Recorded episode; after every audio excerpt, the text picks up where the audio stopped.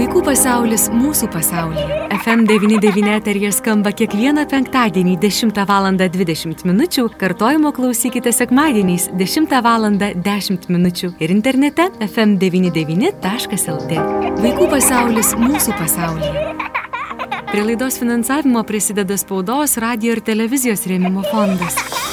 Labadiena, brangus FM99 klausytojai. Štai ir atkeliavo dar viena valanda vaikų pasaulis mūsų pasaulyje, tad labai džiaugiuosi galėdama su jumis pasisveikinti vėl aš Eglė Malinauskenė. Na ir šiandieną mes pasikalbėkime apie tai, kad tikrai jau mokslo metai įsibėgėjo, jau daugumai pavyko ir prisitaikyti prie tos tvarkos mokslo metų, prie ritmo, jau turbūt neretas pajuto ir po pamokinės ar užklasinės veiklos ir privalumus ir galbūt trūkumus, jau gal kažkas spėjo ir atsisakyti kažką kažkokių būrelių, gal kažkas tiko, gal kažkas nepatiko. Taigi šiandien pasikalbėkime apie veiklą, būtent užklasinę veiklą, na, ar ji reikalinga, kaip galime padėti vaikams pasirinkti tinkamą, pačią tinkamiausią, o gal reikėtų žvilgtelėti, kas šiuo metu yra labai populiaru ir labai madinga, na, orientuojantis į tai, kad galbūt ateityje tai pravers mūsų vaikų profesijoms. Na, apie visą tai mes pasikalbėsime su Vilniaus privačios gimnazijos veiklų vadove, socialinių mokslų daktarė, edukologė Agne Liuber. Bertaitė Amšėja. Labadiena, gerbima Agne.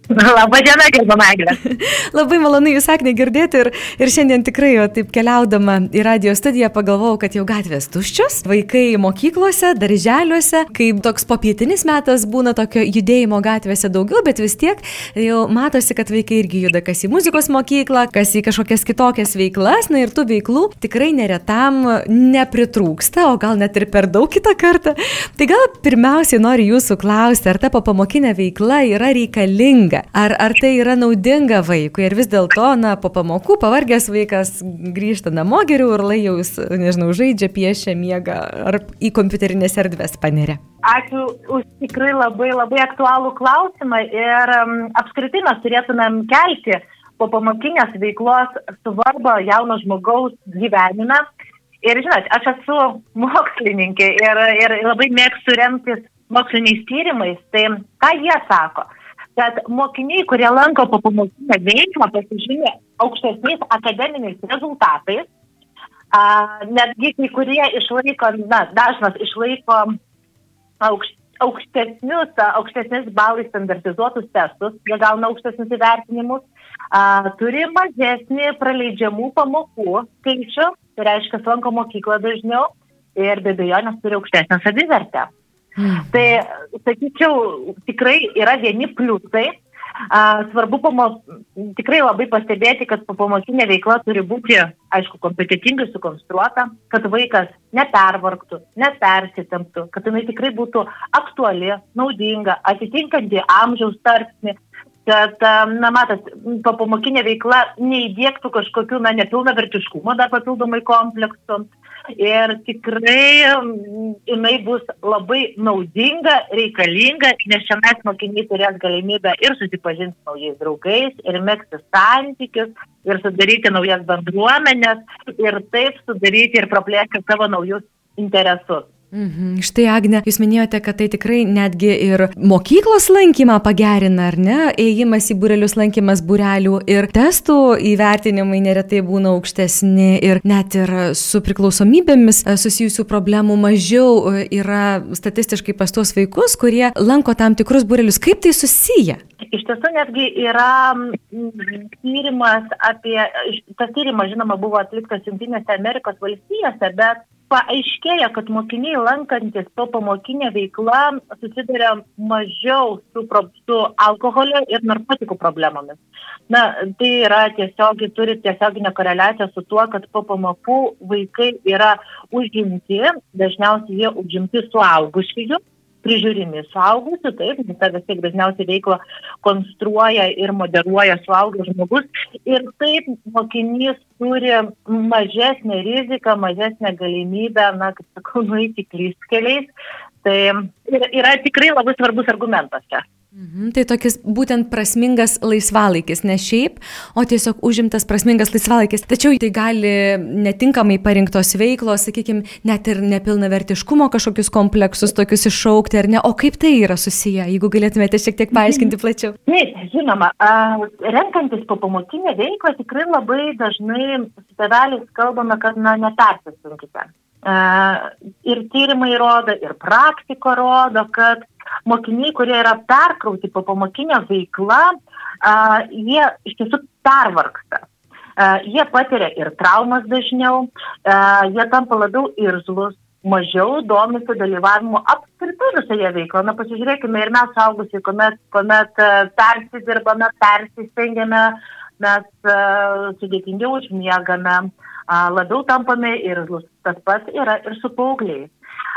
Kitas labai svarbus faktorius po pamokinėje veikloje tai yra specialistų kompetencija. Iš tiesų labai yra svarbu, kad renkantis po pamokinę veiklą žmogus, kuris ją konstruoja, žmogus, kuris veda, būtų kompetitingas. Prisiminkime, kad po pamokinio ūkdymo tikslas na, turėtų visgi būti tas smagus laikas. Ir geras smagus laikas tai yra svarbiausias dalykas. Ir signalai, kuomet galimai ugdytojas nėra kompetitingas, kuomet atsiranda žema vaiko savivertė. Arba, pavyzdžiui, vaikas nuolatos nėra įtraukiamas į veiklą na, pavyzdžiui, vaikas yra vengiamas, eliminuojamas iš komandų, grupių, ant jo yra šaukiama, rėkiama, arba dar blogiau yra naudojama netinkama leksika, na, nepedagogiška e, leksika. Neretai tai gali būti netgi žeminantis epitetai. Tai faktas, vaikas tada nebenori lankyti užsiemimų, tai yra tai yra tevams labiau, tevams globėjams kaip ženklas, kad vaikas nebenori lankyti užsiemimų, bet e, visi šitie veiksniai gali įtakoti ir, na, žinoma, atsirandančią menko vaiko savivertę.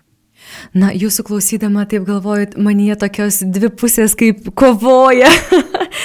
Prisiminiau, pavyzdžiui, na, muzikos mokyklą, ar ne, kur yra dar viena mokykla, po mokyklos eini į mokyklą. Ir mokykloje, na, standartinėje mokykloje yra pamokos ir namų darbai.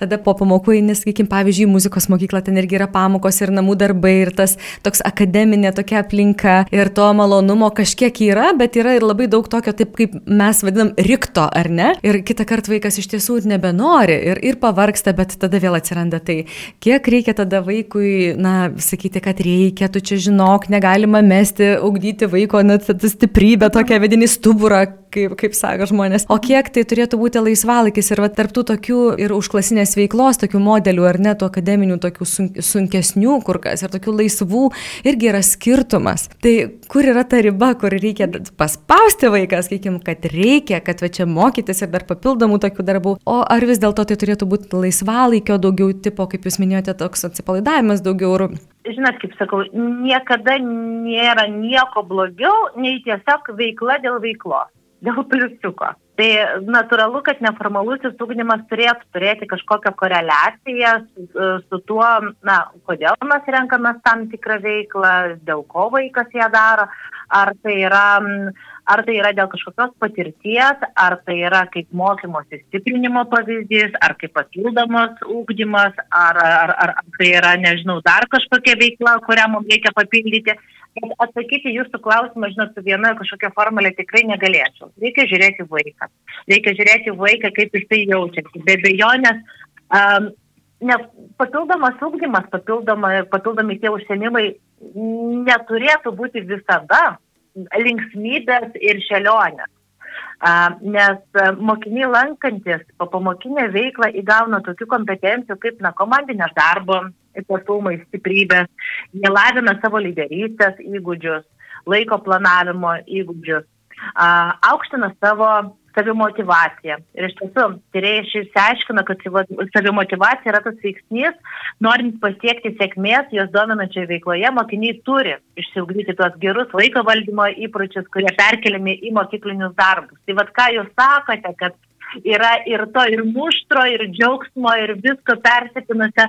Taip, tai yra viena iš po pamokinės veiklos, na, tų stiprybių, kurie ir persikelia visoje kitoje veikloje.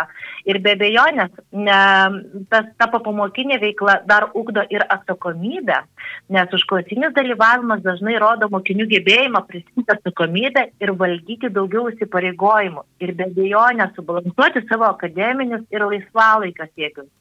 Tai kalbėdami apie kiekvieną vaiką mes jau turime paimti, kiekvieną vaiką atskirai, kiekvieną šeimą atskirai ir identifikuoti, na iš tiesų, dėl ko mes lankome. Ar mes lankome tam, kad atskleisti vaiko talentus ir gabumus ir pasižiūrėti, ar vaikui kažkur sekasi vienur stipriau, kitur mažiau. Ar mes lankome dėl to, kad tai būtų kaip mokymosi stiprinimo pavyzdys, na pavyzdžiui, debatai ar anglų kalbos užsiemimai kažkokie papildomi, ar tai yra kažkoks papildomas ūkdymas Tai yra tokia forma, kur, na, tiesiog galbūt mokykla negali pasiūlyti, tai galbūt, pavyzdžiui, mokykla nėra šokio ar kavų menų, keramikos arba leidybos būrelio. Tai, tai yra, na, kaip papildomas ūkdymas, to, ko jie formalioje veikloje negali. Ar mes siekiame aukštumų, tai yra didesnių jau aukštumų sporte, mene, muzikoje, na, menas ir yra, muzika ir yra menas. Tai reikia tikrai kiekvieną atvejį paimti ir, ir, ir asmeniškai pasižiūrėti. Tikrai kiekvienas esame individualus, ar ne, aišku, ir nuo vaiko amžiaus mm, priklauso. Štai jūs e, užsiminėte, Agne, ir apie, sakykim, keramikos burelį, ar ne, ir apie muziką, ir apie sportą. Labai labai daug tų įvairių veiklų yra skirtingų ir, ir labai gerai, kad galima pasirinkti. Tačiau, na, yra vaikų, kurie nori visko, ar ne, ir ten, ir ten, ir ten, ir visur aš noriu, ir visur tik tai leisk noriu. Yra tokių vaikų, kurie kaip tik sako, aš nenoriu, man neįdomu. Ar jūs galėtumėte pasidalinti galbūt tokia tokiais praktiškais patarimais, įžvalgom ir kaip jūsų patirtis rodo. Į ką reikėtų atkreipti dėmesį, sakykime, gal į kažkokias vaiko asmeninės savybės, kad tiesiog padėti jį nukreipti tam tikrą linkmę, ar ne, kur galėtų, nes irgi yra dar tokios, net nežinau, aš pastebėjau savotiškos tokios mados, ar ne, kad va visi eina į kažkokias ten informacinių technologijų, ar ne, burelį ir kaip čia dabar nevesi, ar ten labai populiarus, sakykim, anglų kalba, bet jauti, kad va tavo vaikui ten labai, sakykim, patinka keramika. Ir kaip ir atrodytų, kaip čia dabar, jeigu anglų populiaru, tai kaip dabar čia tą keramiką leis. Aš tiesiog kaip pavyzdį sakau, tiesiog kaip pavyzdys, kaip reikėtų į ką atsižvelgti, kokias savybės iškelti, pastebėti vaikę, kaip jį nukreipti tinkamą link linkme? Jeigu vaikas nori, valio. Visada labai džiaugiuosi vaikais, kurie tikrai visko nori ir, ir, ir visko bando. Todėl ir reikia duoti pamėginti. Bet to bandymo momentu reikia tikrai tėvams atsitraukti ir ugdytojams atsitraukti ir tiesiog pastebėti vaiką, kuriam sekasi, ar jam patinka, ar jam nepatinka, ar tikrai ta veikla yra jo. Na, pavyzdžiui, labai dažnai, pavyzdžiui, fizinis sportas yra vienas iš tų dominuojančių būrelių, nes tikrai dažnai yra manoma, kad vaikui pusę dienos praleidus patalpoje nu, tiesiog yra būtina stipriau pajudėti. Todėl lengvoji atletika e, yra vienas iš ryškiausių ir populiariausių užklasimų veiklų. Ir tikrai pritarčiau tam, kad jeigu, a, pavyzdžiui, šeima vakare neina pasivaikščioti, nejuda, nesportuoja, tai tikrai tokios veiklos aktyvesnės būtų stipriai reikalingos augančiam organizmui. A, iš praktikos matome, kad labai šaunu, kuomet vaikas turi vieną meninę sritį vystantį būrelį ir vieną būrelį, kuris yra aktyvesnis. Taip mes suteikiame vienok ir balansą, harmoniją, bet kita vertus mes leidžiame, na, pereiti. Štai vieną dieną pas mus yra aktyvesnė veikla, kitą dieną jinai yra ramesnė veikla. Tai renkantis papumokinę veiklą, vėlgi grįžtu prie to, kad reikia nepersistengti, tiesiog nepersistengti. Geriau yra šiek tiek mažiau, bet kokybiškiau palankyti, negu labai labai daug ir chaotiškai. Nes visgi vaikas, vėl grįžtu prie to, turi jausti malonumą, turi patikti tą veiklą ir, ir, ir dar grįžtant prie jūsų, kaip išsirinkti vaikui būrelį. Tam tikri mokslininkai buvo atskyrę a, keletą grupių, a, kaip galima būtų. Tai pavyzdžiui, galbūt mes pastebime, kad vaikui reikia daugiau sociumo, daugiau bendravimo, daugiau bendradarbiavimo. Tai mes parenkam vaikui, kur tai būtų labiau grupinė veikla a, tai tada vaikai sueina tie patys su asmeniniais interesais.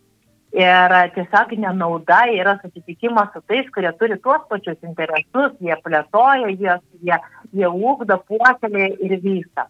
Galbūt pas mus vaikas yra labiau uždaresnis ir jam reikia individualesnio prieimo. Mes norim, nežinau, galbūt jautresnis, uždaresnis. Tuomet mes renkamės veiklas, kurios galbūt yra vienok individualios, individualus grojimas pieninu, muzikavimas, nežinau, galbūt netgi gali būti jojimas, tokios individualesnės šakos. Taip pat ypač paauglystėje susidurime su tuo, kad mokiniai ieško etalonų tai yra vienok ir etaloninis mokymas ir tyrėjai išsiaiškina, kad suaugusiai mentoriai, kurie dalyvauja tam tikroje veikloje, tiesa daro labai labai teigiamą ir didžiulę įtaką jaunų žmonių gyvenimui. Tai kartais su pamokinė veikla mes galime ir pakreipti mokinį vienokia ar kitokia linkme, na tai yra per tą etaloninį mokymą. Jeigu, nežinau, tarkim, debatų mokytas e, beprotiškai yra tarmingas žmogus, degantis tuo, ką daro, mylintis uh, savo veiklą, na be abejonės, jisai nori, nenori užkrėsti ir, ir, ir, ir, ir mokinį. Aš jau paminėjau fizinį aktyvumą, tai tikrai yra labai svarbus ir sveikatai ir, ir turi labai didžiulę naudą vaikams. Ir jau net nekalbant apie tai, kad a, fizinis aktyvumas yra susijęs su visom kraujagyslių ir širdies lygomis, tai, tai jų prevencija. Be abejonės ir, ir, ir mm, prevencija antsvorio, nutukimo ir psichinės veikatos. Tai vėlgi grįžtu, tai yra antiek individualu ir tokio vieno bendro recepto tikrai mes nerasime. Nei kiek būrelių, nei kokius, nei pagal kokią algoritmą, bet visuomet patariu tėveliams ugdytojams atsitraukti ir iš tiesų nuoširdžiai pastebėti vaiką. Koks yra vaikas, ko jisai nori, nuo ko jam žyba ir spindi akis. Mhm. Na, iš tiesų labai labai geras jūsų patarimas, nes tikrai tėvams gali atrodyti vienaip ar ne, gal ir tos, kaip sako, labai tos neišsipildžiusios svajonės, atrodo, jau aš negalėjau, tai va, mano vaikas, tai tikrai galės užrėktas vaikas ir nenori. Atskirti ar ne irgi labai svarbu, kad tai yra kitas žmogus, kita asmenybė ir galima aišku pasiūlyti, bet neprimetinėti tos valios, bet štai dar prieš šią laidą išgirdau klausimą ir labai noriu jums jį pateikti, tiesiog jeigu galėtumėte atsakyti jį. O jeigu yra tokia situacija, kad nenori apskritai atmeta viską, nes po pamokų dabar apskritai tokia tema yra labai plačiai diskutuotina, e, ką daryti, kad vaikai, jaunimas, jie labai panirsta į internetinės erdves, į žaidimus, į kompiuterinį gyvenimą ir visa kita nublanksta ir tiesiog neišeina nei versti, priverstinai išleisti, nes vis tiek kažkur sėdi ir, ir žaidžia, pavyzdžiui, kaip pavyzdys ar ne. Kaip jūs patartumėt, ar skatinti, ar kažkokį pavyzdį rodyti, motivaciją kažkokią mėginti sukelti, kaip to, sudominti vaiką, nes iš saugusio perspektyvos mes matome, kad tai yra svarbu, reikalinga, bet vaikui taip netrodo, ypatingai paauglystėje, kai jau savo nuomonę daugiau turi tokią jau ryškesnę. Labai geras klausimas. Ir tikriausiai kiekvienas tėvas, e, augindamas paauglį vaiką, susiduria su panašiu klausimu, ką daryti. Tai, e, žinot, vėlgi vieno recepto nėra, bet geriausias receptas yra rodyti pavyzdį. Jeigu mes norime, kad vaikas sportuotų ir lankytų kažkokius užsieimumus, tikriausiai, ir mes patys turime aktyviau pajudėti. Ir į veiklas įtraukti galbūt netgi kartais, jeigu mes norime, kad vaikas lankytų, na, tarkim, paauglys sporto klubas, tai gal vertėtų ir mums keletą kartų draugę nueiti. Tai e, aišku, mažylius įtraukti į papamokinę veiklą yra ženkliai lengviau.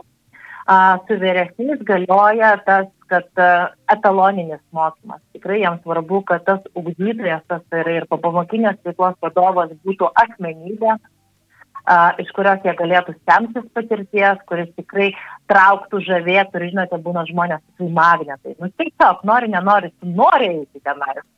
Tai e, iš tos jau tokios asmeninės um, edukologijos patirties siūlyčiau du dalykus. Tai yra pirmas dalykas, arba bandyti veiklas su vaiku per savo asmeninį pavyzdį. Jeigu taip na, ne visada gaunas, tikrai ieškoti tų veiklų, kuriuose tikrai būtų stiprus vadovai, etalonai, į kuriuos norėtų lygiuotis ir tiesiog jie burtų komandą. O tokių mhm. žmonių tikrai labai yra daug. Mhm, tik jūsų klausydamas suprantu, kad tikrai nereikėtų atmestinai žiūrėti į tą užklasinę veiklą, ar ne, kad tai irgi yra labai svarbi veikla, kuri, na, puoselėja mūsų vaikų kažkokias savybės, ar ne, skatina įti į priekį ir, ir susipažinti ir su pedagogais, ir su veiklų vadovais. Tam taip pat skirti laiko, kad vėliau mūsų vaikų laikas būtų irgi prasmingas ir kokybiškas ir geras. Ir dar taip galvoju, tos pamokinės veiklos labiau vis dėlto vaikam ar tėvam, nes žinot, kai tėvų užimtumas, tai irgi atrodo ramu, kai vaikai kažką veikia. Tai va padaryti tokį nemenką namų darbą reikėtų ir tėvams, ar ne, prieš tai, kad vaikai jau galėtų na, džiaugtis, mėgautis. Ir dar viena mintis, beje, kurią perskaičiau apie mažus vaikus, kad vis dėlto labai svarbu, kad tai būtų daug žaidimo tame, ar ne? Kad tai būtų žaidimas, nes vaikų didžiausia užduotis yra žaisti, ar ne? Dar labai norėčiau, jūs prieš tai paminėjote tokią frazę, kažką veikia. Taip. E, ir jinai man labai labai, na, kaip tai rezonavo. Labai svarbu apskritai vaiko ūkdyme kad tėvai nuoširdžiai domėtųsi veikla, kurią vaikas užsiema. Nes jeigu mes tiesiog leidžiame vaiką į tam tikrus užsiemimus ir tiesiog, nes tai yra patogu, ar, ar visi esame užsiemę, ar dėl to, kad na, laiką, kaip sakau, prastumtų, tai nori, nenori vaikui yra duodama žinutė, kad tą, ką tu darai, na, nėra taip svarbu. Tai tas kažką veiktų yra labai svarbu nepamiršti, pasidomėti, o kaip sekėsi, kokie, ka, kokiu momentu tu buvai pats laimingiausias, kur, kur daugiausiai šypsenų sukėlė, kokius momentas, galbūt kažkur, kažkur buvo liūdna. Iš tiesų, domėtis vaiko veikla, nes tai yra labai labai svarbu, nes jūs parodote a, pasąmoningai, kad tai, ką tu darai, tai yra svarbu ir tai rūpi man. Ir grįžtant prie tokio žaidybinimo, aš manau, kad ne vien tik mažiems, bet ir dideliems reikia žaidimo. Taip. Aš manau, ir jūs nebūsite prieš, jeigu nebūtumėt prieš, jeigu a, tikrai m, ir, ir tą, ką mes darome laisvų laikotarpiu ir, ir, ir mūsų hobiai būtų maksimaliai sužaidybinti. Taip, iš tiesų, kuo, kuo daugiau to lengvumo, ar ne, tokio šviesos, Taip. pozityvumo, tai visiems nuo to tik tai geriau. Aš šiandien, Agnė, Jums labai labai nuoširdžiai dėkoju už pokalbį, buvo tikrai labai įdomu ir naudinga ir aš tikiuosi, kad ir tėvai klausantys pokalbio, gal ir patys vaikai, kurie kartojimo klausosi sekmadieniais, nes dabar yra tas pamokų laikas, išgirs naudingų minčių, naudingų žinių ir galės pritaikyti savo gyvenime. Tai aš nuoširdžiausiai Jums dėkoju, linkiu gražios dienos, gražaus rudens, ačiū Jums, Agne. Ačiū Jums labai, iki malonaus. iki malonaus. Jums, mėly klausytojai, priminsiu, mes kalbėjome su Agne Libertaitė Amšėje, Vilniaus privačios gimnazijos veiklų vadove, socialinių mokslų daktarė, edukologė. Vaikų pasaulis mūsų pasaulyje. Prie laidos finansavimo prisideda spaudos, radio ir televizijos rėmimo fondas.